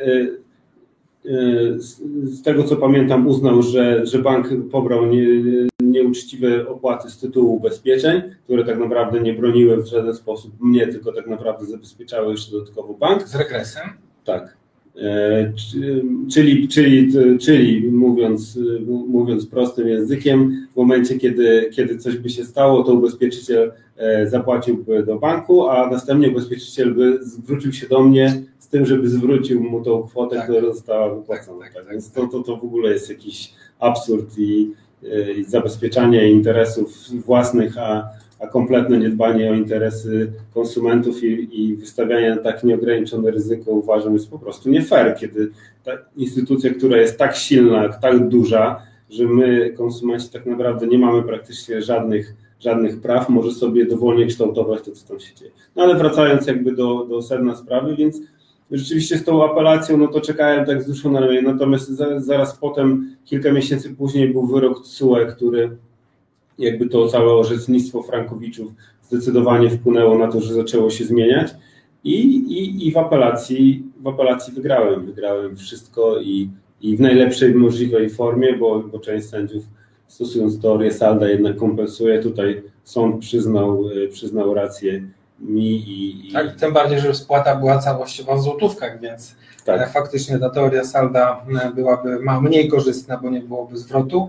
E, przypomnę, że jeżeli ktoś spłaca franki, to nawet teoria salda również zakłada zwrot, zwrot tych franków. Tu się odniosę do jednych z przesłanek w, moim, w mojej ocenie, dlaczego została zastosowana zasada dwóch kondykcji. Oczywiście wiemy o tym, że trafiły w tym roku dwa zagadnienia prawne do Sądu Najwyższego, które ma ocenić E, czy po nieważności umowy sąd powinien stosować zasadę e, dwóch kondycji czy teorii salda. E, tutaj chcę tylko podkreślić, że Sąd Najwyższy już na ten temat wypowiedział się w jednym z wyroków, w jednym z wyroków to jest sygnatura akt właśnie 5 CSK na 382.18 i stwierdził, tutaj zatytułowałem to panująca zasada dwóch kondykcji. Proszę zauważyć, że to stwierdzenie, które mówimy o tym, że mamy E, spełnienie świadczenia e, nadpłacone przez kredytobiorcę z tytułu nienależnego świadczenia jest świadczeniem po prostu nienależnym, to znaczy tutaj w tym przypadku pan Mariusz nie musiał e, płacić nic do banku, dlatego że ta umowa okazała się wstecz nieważna i sąd tutaj mówi wprost, że co do zasady podlega ono zwrotowi, choćby kredytobiorca był równolegle dłużnikiem banku. Mówimy tu o tym, że bank wypłacił kiedyś jakieś pieniądze i oczywiście mówimy o artykule 5 KC, który, gdzie nie można dochodzić roszczeń, które są przedawnione i powoływać się na to, że na zasady współżycia społecznego, gdy samemu się wcześniej złamało, jak bank te zasady, czyli stosował klauzule abuzywne. I tutaj sąd podkreślił, bo przypominam, że wyrok był kasacją w wyroku sądu apelacyjnego. Sąd Najwyższy podkreślił, że odmienne stanowisko sądu apelacyjnego w tej kwestii jest sprzeczne i tu podkreślę z panującą niepodzielnie w doktrynie teorią dwóch kondykcji. Jak również ze stanowiskiem Sądu Najwyższego samo spełnienie świadczenia nienależnego jest źródłem zroszczenia zwrotnego, więc sam fakt, że tutaj kredytobiorca spłacał niezasadnie te kwoty, znaczy, że trzeba je po prostu zwrócić i nie można tutaj w żaden sposób stosować tej teorii salda. Oczywiście no, ja zastrzegam, że mówię to dlatego, że jest to dużo korzystniejsze dla frankowiczów i natomiast wciąż uważam, że jest bardzo duża do, dawka e, na ten temat informacji zarówno na naszym blogu Życie bez kredytu, jak i w ogóle w gazecie prawnej, również tutaj mecenas Budzewski e, bardzo duże tutaj na ten temat stanowisko zajął również w podobnej sytuacji. Jest to ekspert no nie pierwszej wody, mówiąc prosto. Także podkreślamy tu również, że Sąd Najwyższy w innych wyrokach również tutaj są sygnatury tych wyroków z wcześniejszych lat stwierdzał właśnie, że E, panuje zasada dwóch kondykcji. Oczywiście, jeżeli by była teoria salda, również jest to związane z tym, że jest nieważność umowy i zwrot wszystkich franków. Natomiast jak widać w tym przypadku, jak i chociażby we wczorajszej sprawie, również Sąd Najwyższy, Sąd Apelacyjny, przepraszam, zmienił wyrok e, sędziego Gołaszewskiego Sądu Okręgowego w Warszawie, który to w pierwszej instancji wydał wyrok e, unieważniający, ustalający nieważność umowy na podstawie teorii salda, a wczoraj właśnie sąd apelacyjny zmienił ten wyrok w tym zakresie, że stosował teorię dwóch kondykcji. To jest nie pierwsza sprawa tego typu, no i zakładam, że również to się utrzyma w sądzie. To są najnowsze wyroki e, unieważniające, podkreślę. Tutaj nie ma żadnych e, wyroków odfrankowujących jako takich, które już uważam, że będą w mniejszej mierze miały miejsce. E, w sądach apelacyjnych, natomiast e, te wyroki są z ostatnich e, tygodni, miesięcy i to są wszystko wyroki członków społeczności życia bez kredytu, wydane w Warszawie, które właśnie potwierdzają, że linia orzecznicza jest bardzo mm, stabilna już przynajmniej bez takiego powiedzmy odchylenia, które oczywiście zawsze jakieś jest, bo każda sytuacja jest inna. Prawa precedensu nie ma, natomiast trzeba pamiętać, że faktycznie te okoliczności e, sąd bierze pod uwagę. Tutaj e, również e, mamy kolejne wyroki potwierdzające ten, te zestawienie, które wcześniej przedstawiliśmy. To są wszystko kwestie związane z unieważnieniem umowy, natomiast ta konkretna sytuacja jest o tyle szczególna, że udało się po 10 miesiącach już uzyskać wyrok ustalający nieważność umowy dotyczyło to kredytu Paul Bank, przy czym e, te, mm, te ustalenie e, związane było właśnie z teorią salda i tutaj ten wyrok wydał sędzia Gołaszewski, o którym powiedziałem chwilę wcześniej, przy czym on jeszcze w ramach tego wyroku zastosował teorię salda, zasądzając franki, oczywiście ustalając nieważność umowy, dlatego ten wyrok nazywa się częściowym, czyli co do reszty pieniędzy jeszcze nie zdecydował. W tym momencie, przypominam, że wyrok był 28 lipca, dziś mamy 20 sierpnia, więc więc e, jeszcze wtedy nie wiedział prawdopodobnie o tym, że sąd apelacyjny zmienił jego wyrok w innej sprawie. Natomiast to, co jest bardzo ważne i dlaczego tutaj zwracam na to uwagę, to jest to, że jednocześnie sąd postanowił o zabezpieczeniu roszczenia, czyli o tym, że tutaj na Frankowi z społeczności życia bez kredytu nie musi płacić już więcej rat, nie musi e, nie, obawiać się również wypowiedzenia umowy przez, e, przez bank do czasu uprawomocnienia się tego wyroku. Także e, to jest jeszcze bardziej ciekawe, to jest to, że z, tutaj Frankowiczem spotkaliśmy się tylko raz, kiedy była mowa o tym, czy faktycznie rozpocząć tą walkę, natomiast do sądu w ogóle nie musiał przyjeżdżać, dlatego że wyrok ten został wydany na posiedzeniu niejawnym i przypomnę, zarówno ustalenie ważności, zasądzenie franków, E, postanowienie w przedmiocie wstrzymania płatności i e, zakazanie e, wypowiadania bankowi takiej umowy. Tutaj było pytanie, czy może też do Pana się zwrócę, czy pozwanie banku jest notowane w BIK-u? Czy miał Pan za, zanotowane w BIK-u, że Pan pozwał bank? Nie. Także tutaj potwierdzam, że taka sytuacja nie ma miejsca. Żadne czynności przed sądem nie mogą być e, zanotowane ani w PIK-u, ani w żadnych innych rejestrach. Dlaczego miało być? E, no, Generalnie jest pytanie, jest odpowiedź. A, okej. Okay. A, no to jest, ja mam okularów wtedy. Aha, no tutaj M, pan albo pani M A. zapytała. E, Tutaj kolejny wyrok, tutaj już e, konkretnie wyrok na podstawie teorii e, dwóch kondykcji. Tutaj również e, e, Frankowiczka miała zasądzone wszystkie kwoty, również z odsetkami. E, Jest to wyrok jeszcze pierwszej instancji, natomiast no, tak jak powiedziałem wcześniej, e, powinien on się e, wedle mojej największej, najlepszej wiedzy utrzymać w sądzie apelacyjnym.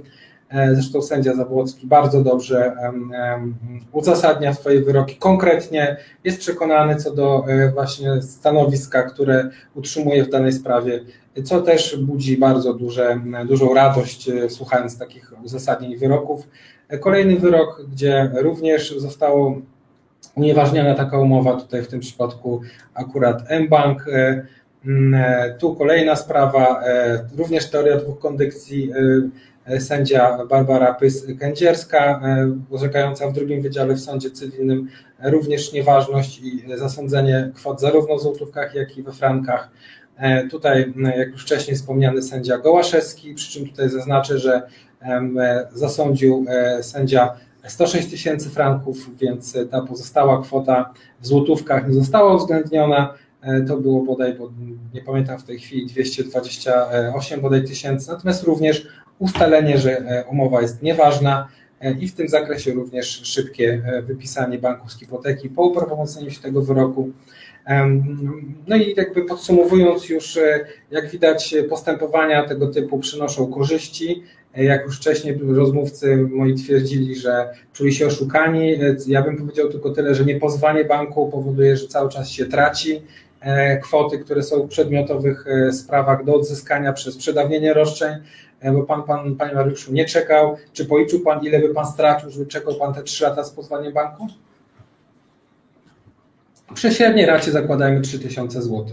Przy średniej racie 3000 to jest prawie 100, ponad 100 tysięcy złotych. Tak jest, tak jest. Także tutaj trzeba zobaczyć, że niepozwanie banku to nie tylko kwestia związana z tym, że wciąż się jest prowadzonym, e, znaczy posiada się umowę, która bazuje najprawdopodobniej, bo to trzeba oczywiście wcześniej stwierdzić, analizą stąd też dzisiaj wizyta pana Wojtka, który e, w bardzo uprzejmy i miły sposób potrafi to wszystko dzisiaj nam wytłumaczyć i też wykonać e, tego rodzaju mm, analizę. E, I e, tu ta grafika pokazuje, e, jak dużo można zyskać przez 3 lata przy samym kredycie 3000 zł. Jest to 342 tysiące zł, a nie pozywając bank przez tylko pół roku traci się e, 15 tysięcy złotych. Oczywiście czym kredyt większy, tym ta strata jest większa, bo przypomnę, że bank korzysta na tym, że Frankowicz nie pozywa banku z uwagi na okres przedawnienia 10 lat wstecz, czyli e, z każdym rokiem wyliczyliśmy, że sektor bankowy zyskuje 6 miliardów złotych, proszę sobie wyobrazić, tylko na tym, że e, Frankowicze nie pozywają banków.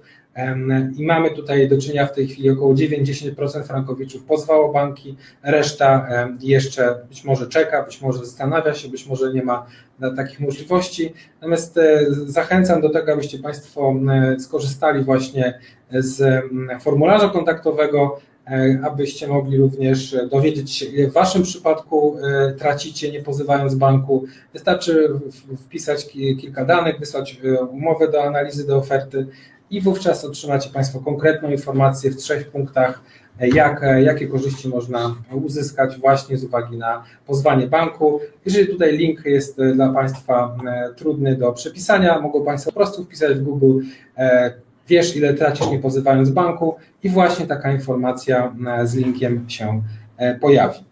E, Jest, mamy, mamy kilka pytań. Pani Ania pyta, gdzie można pobrać ten formularz. Ja może w tej chwili bardzo podobny formularz postaram się w jakiś sposób opublikować. Jest w tej chwili, tutaj można kliknąć ten link i tutaj faktycznie e, te dane, po wypełnieniu tych danych dostaną Państwo odpowiedź e, mailową, w zasadzie nawet e, kilka tych maili, gdzie Państwo będą mogli po kolei zdecydować w zakresie tego, czy są Państwo dalej zainteresowani działaniem właśnie na rzecz tego, aby uwolnić się od tego kredytu frankowego.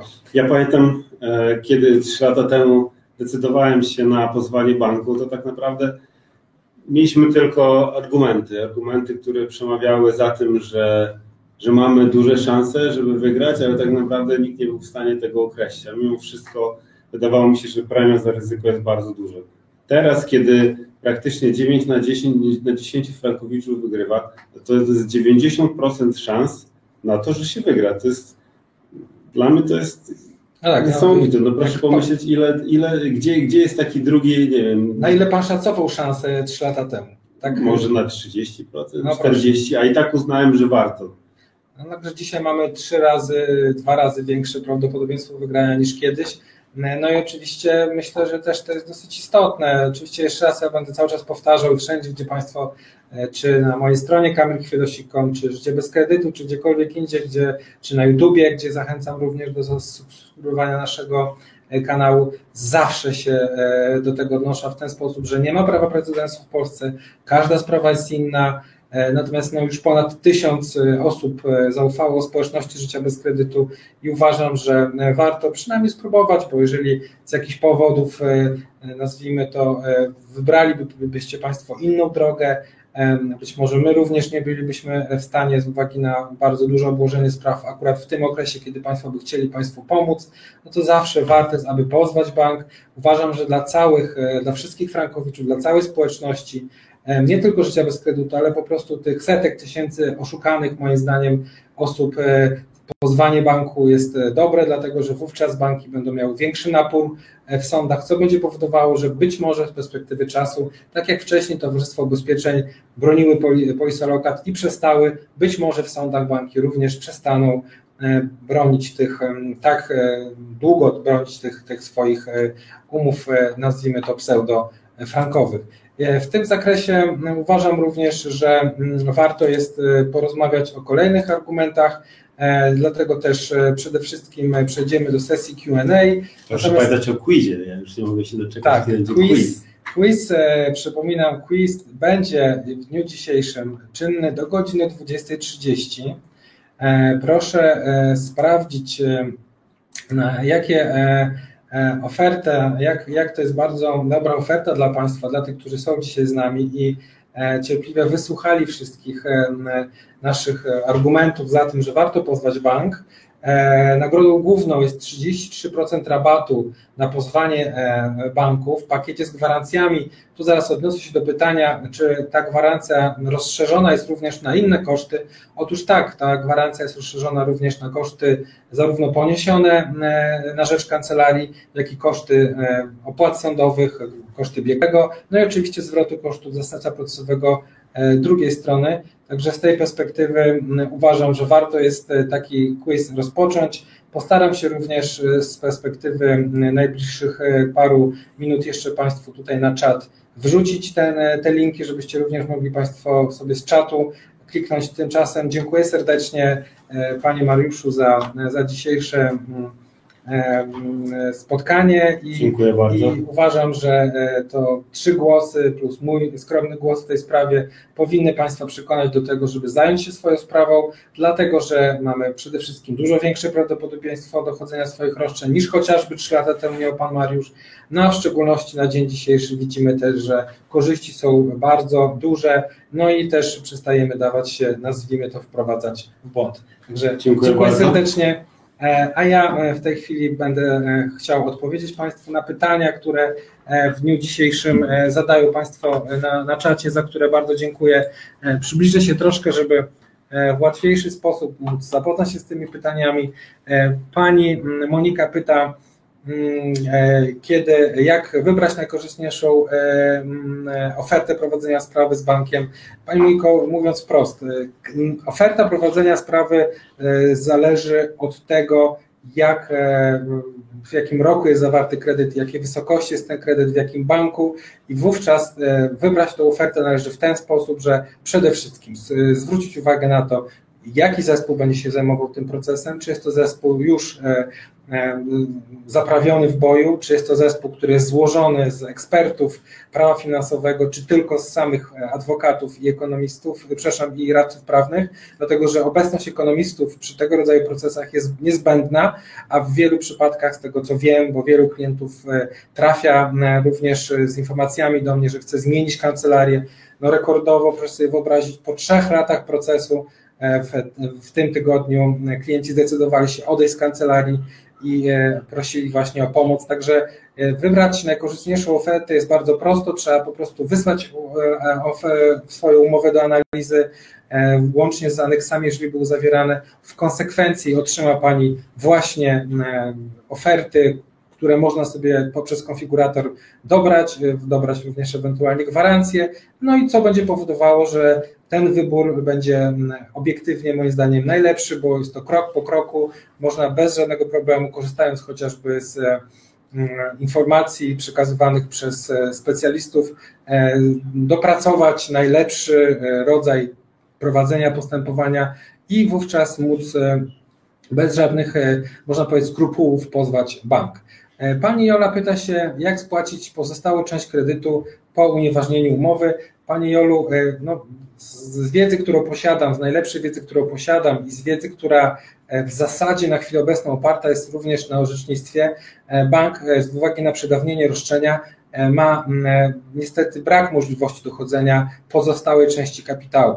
Przede wszystkim bierze się to z tego, że bank jako przedsiębiorca ma trzyletni okres przedawnienia i ten trzyletni okres przedawnienia już we wszystkich przypadkach kredytów frankowych, pseudofrankowych, które były udzielane do 2011 roku już minął, dlatego na chwilę obecną ja nie znam żadnego wyroku, ani nawet pozwu o to, aby kredytobiorca po nieważności umowy musiał spłacać pozostałą część kapitału po unieważnieniu umowy, z uwagi przede wszystkim właśnie na zasady współczucia społecznego i na to, że to bank jako pierwszy stosował nieuczciwe praktyki rynkowe, klauzule abuzywne, co nie, nie, nie pozwala mu powołać się chociażby na artykuł 117 nowelizacji kodeksu postępowania cywilnego, który to wprost mówi, że nie można pozywać konsumentów za przedawnione roszczenie. Pan Adam pyta się, czy sprzedaż nieruchomości i spłata kredytu ogranicza możliwość odzyskania nadpłaty. Panie Adamie, generalnie nie ogranicza, natomiast jeżeli mamy wybór, że wiemy, że chcemy sprzedać nieruchomość, a jednocześnie będzie się to oczywiście wiązało z, ze spłatą kredytu, to lepiej pozwać bank przed sprzedażą nieruchomości i spłatą kredytu, aby później nie mieć żadnych wątpliwości co do tego, że takie środki z, z uwagi na tą sprzedaż można dochodzić.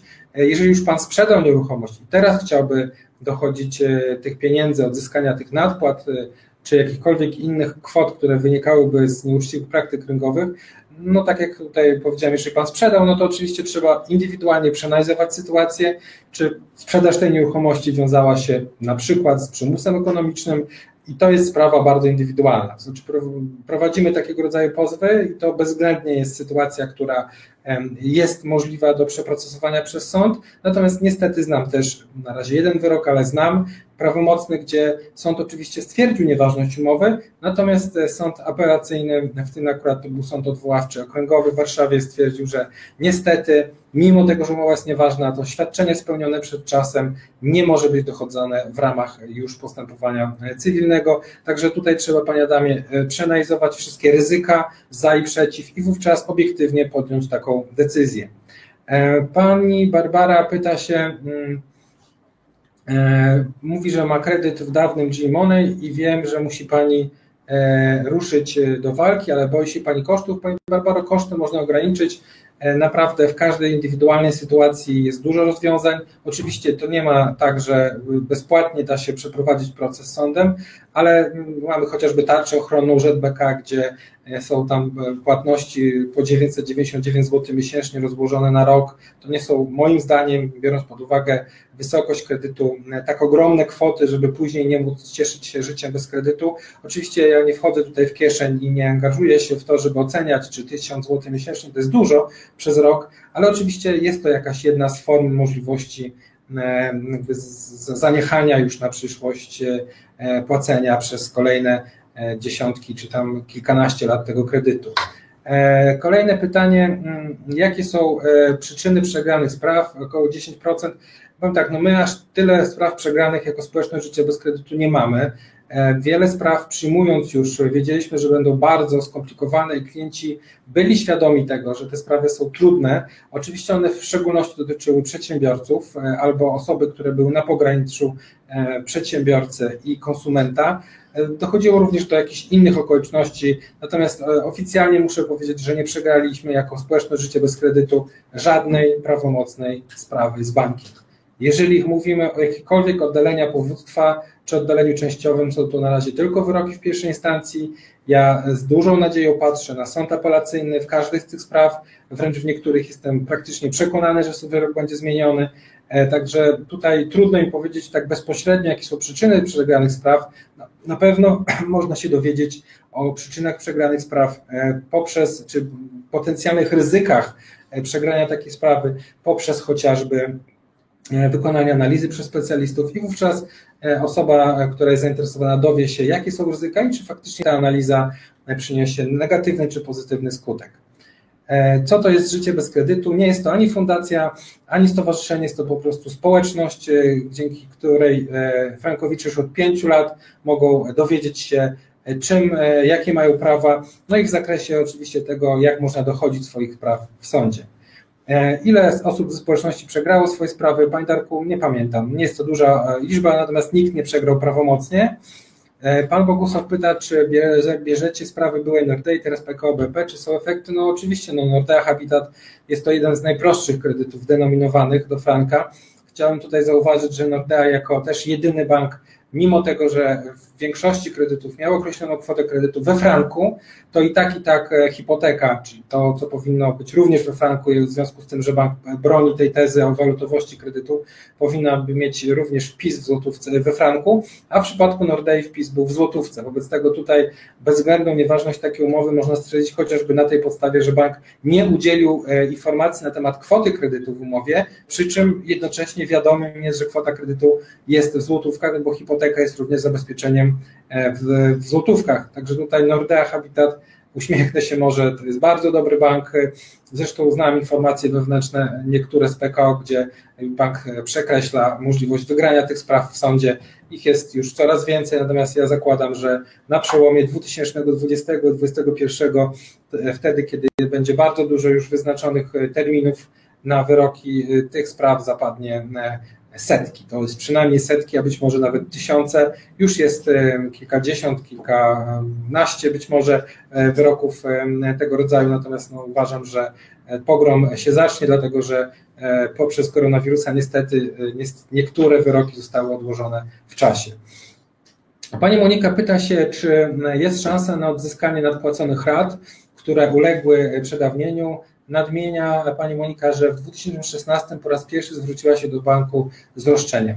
Jeżeli to nie było zwrócenie się do banku z roszczeniem przed sąd i to konkretnie z pozwem o zapłatę, to muszę panią zmartwić, że roszczenie e, właśnie e, od 2000 e, powiedzmy, jeżeli pani chociażby zaciągnęła kredyt w 8 do 2018, 20, przepraszam, do 2010 zostało przedawnione, Czyli jeżeli pani mm, ma przedawnione roszczenie już z tych lat, czyli 10 lat wstecz, to niestety te pieniądze y, najprawdopodobniej nie będą odzyskane. I w tym przypadku trzeba powiedzieć wprost, że y, y, przedawnienie roszczeń się w ten sposób, że e, odnotowujemy 10 e, lat wstecz, czyli odnotowujemy 2010 e, rok, 19 sierpień 2010 roku i od tego momentu wstecz wszystkie raty są przedawnione. Dzisiaj o 24 przedawni się kolejna rata e, z 20 sierpnia 2010 roku. Czyli tak liczymy przedawnienie. E, dalej, biorąc pod uwagę mm, pana, pytanie pana Tomasza, czy e, skoro podpisał Pan umowę z bankiem w 2010 roku, kilka kancelarii stwierdziło, większe szanse na wygranie mają ci, którzy podpisywali przed 2009, E, co na ten temat sądzimy? Powiem tak, no tutaj absolutnie rok zawarcia umowy nie ma żadnego znaczenia. Oczywiście tak długo, jak to nie jest po wejściu ustawy antyspredowej we wrześniu 2011 roku, czyli wszystkie umowy do września 2011 roku mogą i powinny moim zdaniem być przeanalizowane pod kątem możliwości złożenia pozwu. Dużo takich pozwów jest w sądzie, nie mam e, takiego e, powiedzmy kryterium, że jeżeli umowa jest po 2009, to nie można dochodzić roszczeń. Były faktycznie jeszcze kilka lat temu pewnego rodzaju obawy co do ustawy, która weszła w 2009, ale absolutnie nie, nie odnajduję, że w wyrokach sądów jakichkolwiek e, jakby mandrów, które by mówiły o tym, tych wyroków, że, że faktycznie nie da się tam tych postępowań przeprowadzić. Panie Grzegorzu, tutaj wrócę do tego Pana pytania, czy była mowa o gwarancjach. Tutaj Pan wyliczył, że może być to 100 tysięcy. No absolutnie nie, no to, to są koszty abstrakcyjne. Nie wiem na jakiej zasadzie Pan to wyliczył. Średnio koszty całościowe w najgorszym przypadku, bez żadnych gwarancji, to jest od 17 tysięcy złotych do 35 tysięcy brutto. I to jest naprawdę w największym e, rozumieniu tych e, ponoszenia kosztów. I te wszystkie koszty mogą być zwrócone w pewnej części, tak? Z perspektywy oczywiście tego, jakiego rodzaju rozszerzenie gwarancji Pan sobie będzie życzył. Natomiast no, to, to na pewno nie są takie kwoty, nie ma takiego postępowania, e, nawet uwzględniając Sąd Najwyższy, gdzie absolutnie kasacja jest czymś e, bardzo rzadkim i bym powiedział wprost, jeszcze się tutaj nam nie zdarzyła, natomiast to, to, to nie jest większa kwota na pewno niż całkowitego ryzyka 35 tysięcy złotych, natomiast najczęściej, jeżeli klienci wybierają jakiegoś rodzaju E, gwarancję, no to jest to oczywiście gwarancja związana z tymi kosztami, które dotyczą zarówno opłaty na rzecz kancelarii, opłaty związane z kosztami sądowymi oraz opłatą zabiegłego, no i kosztami zastępstwa procesowego drugiej strony w przypadku oddalenia całkowitego powództwa. E, wrócę może na chwilę, bo już będę powoli kończył. Mamy jeszcze 4 minuty do zakończenia dzisiejszego webinaru. Pani Grażyna pyta się, że ma Pani e, wpis do hipoteki w złotych Getting Bank. No tutaj akurat mówimy o kredycie indeksowanym, czyli wszystkie banki, które udzielały kredytów indeksowanych, czy tak jak to nazywał chociażby e, mBank, kredyt waloryzowany, e, GE Money wymyślał nazwę kredyt nominowany, kredyt bank nazywał kredyt denominowanym w nawiasie waloryzowanym, ale i tak to jest kredyt indeksowany, więc te wszystkie banki zawsze miały wpis hipoteki w złotówce, natomiast no niezmiennie, jeżeli chodzi o Getin, tu też mamy rozróżnienie na Metrobank i Dombank. Sytuacja jest taka, że wszystkie te umowy do tej pory e, były unieważnione dla członków społeczności życia bez kredytu, także tutaj absolutnie zachęcam do tego. Bank, który e, jest mi bardzo e, blisko znany, bardzo dużo spraw tam już rozpatrujemy, więc tutaj akurat uważam, że jest to jeden z tych banków, gdzie naprawdę warto spróbować swoich, e, dochodzenia swoich praw. E, czy jest możliwe zrezygnowanie z opłaty wstępnej na rzecz większego success? Nie ma takiej możliwości. E, nawet kodeks etyki adwokackiej zabrania pracowania same success dlatego też są stawki minimalne zgodnie z rozporządzeniem. Zresztą takiego rodzaju postępowanie moim zdaniem nie byłoby możliwe do przeprowadzenia przy takiej jakości, jaką Centrum Prawa Finansowego i ogólnie kancelaria, która się tym naprawdę specjalizuje, oferuje. No, prowadzenie przez 3, 3 lata e, sprawdza same success fee, godzi moim zdaniem również w prestiż i w jakość takiej, takiego podmiotu, więc ja absolutnie nawet przestrzegam przed korzystaniem, bo znam koszty prowadzenia takiego postępowania przez 3 lata, no i to jest niemożliwe, żeby zaspokoić się z samego success fee.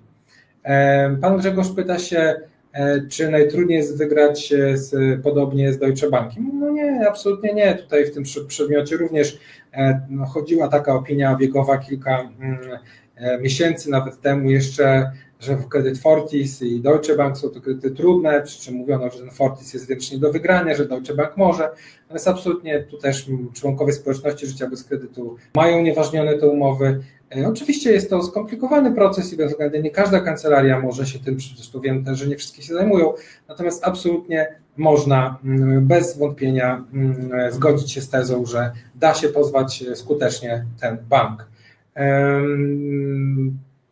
W zasadzie na dzień dzisiejszy to wszystkie e, pytania. Zachęcam jeszcze raz do tego, e, żebyście Państwo skorzystali z możliwości wygrania nagrody w naszym quizie. Nasz quiz jest, e, przypomnę, jeszcze przez godzinę będzie można zadawać te pytania. Czy my możemy, zapytam się administratora, wkleić jeszcze link e, w czat, czy, czy to musi być w formie mm, wyświetlonej oferty? Musi być w formie wyświetlonej oferty, także proszę e, sobie mm, podlinkować tą, mm, tą, tą, tą tutaj w tym momencie grafikę i dzięki temu będą mogli Państwo klikając rozpocznij quiz być przekierowanym właśnie na quiz. Tam jest 8 pytań. Jeżeli Państwo dzisiaj słuchali uważnie, to uważam, że bez żadnego problemu odpowiedzą na te, na, na te pytania. A jeżeli nie, to zapraszamy e, do kolejnych konsultacji e, do kolejnych naszych materiałów, zarówno na YouTubie. Jeszcze raz zapraszam do zasubskrybowania naszego kanału na YouTubie Życie bez kredytu. E, Zapraszam również ewentualnie do uczestnictwa w naszych grupach e, na Facebooku Życie bez kredytu, Frankowicze Ży- Życie bez kredytu. E, Na dzień dzisiejszy dziękuję serdecznie, życzę miłego wieczoru i e, do zobaczenia e, na kolejnym webinarze. Pozdrawiam serdecznie, Kamil Chwiedosik.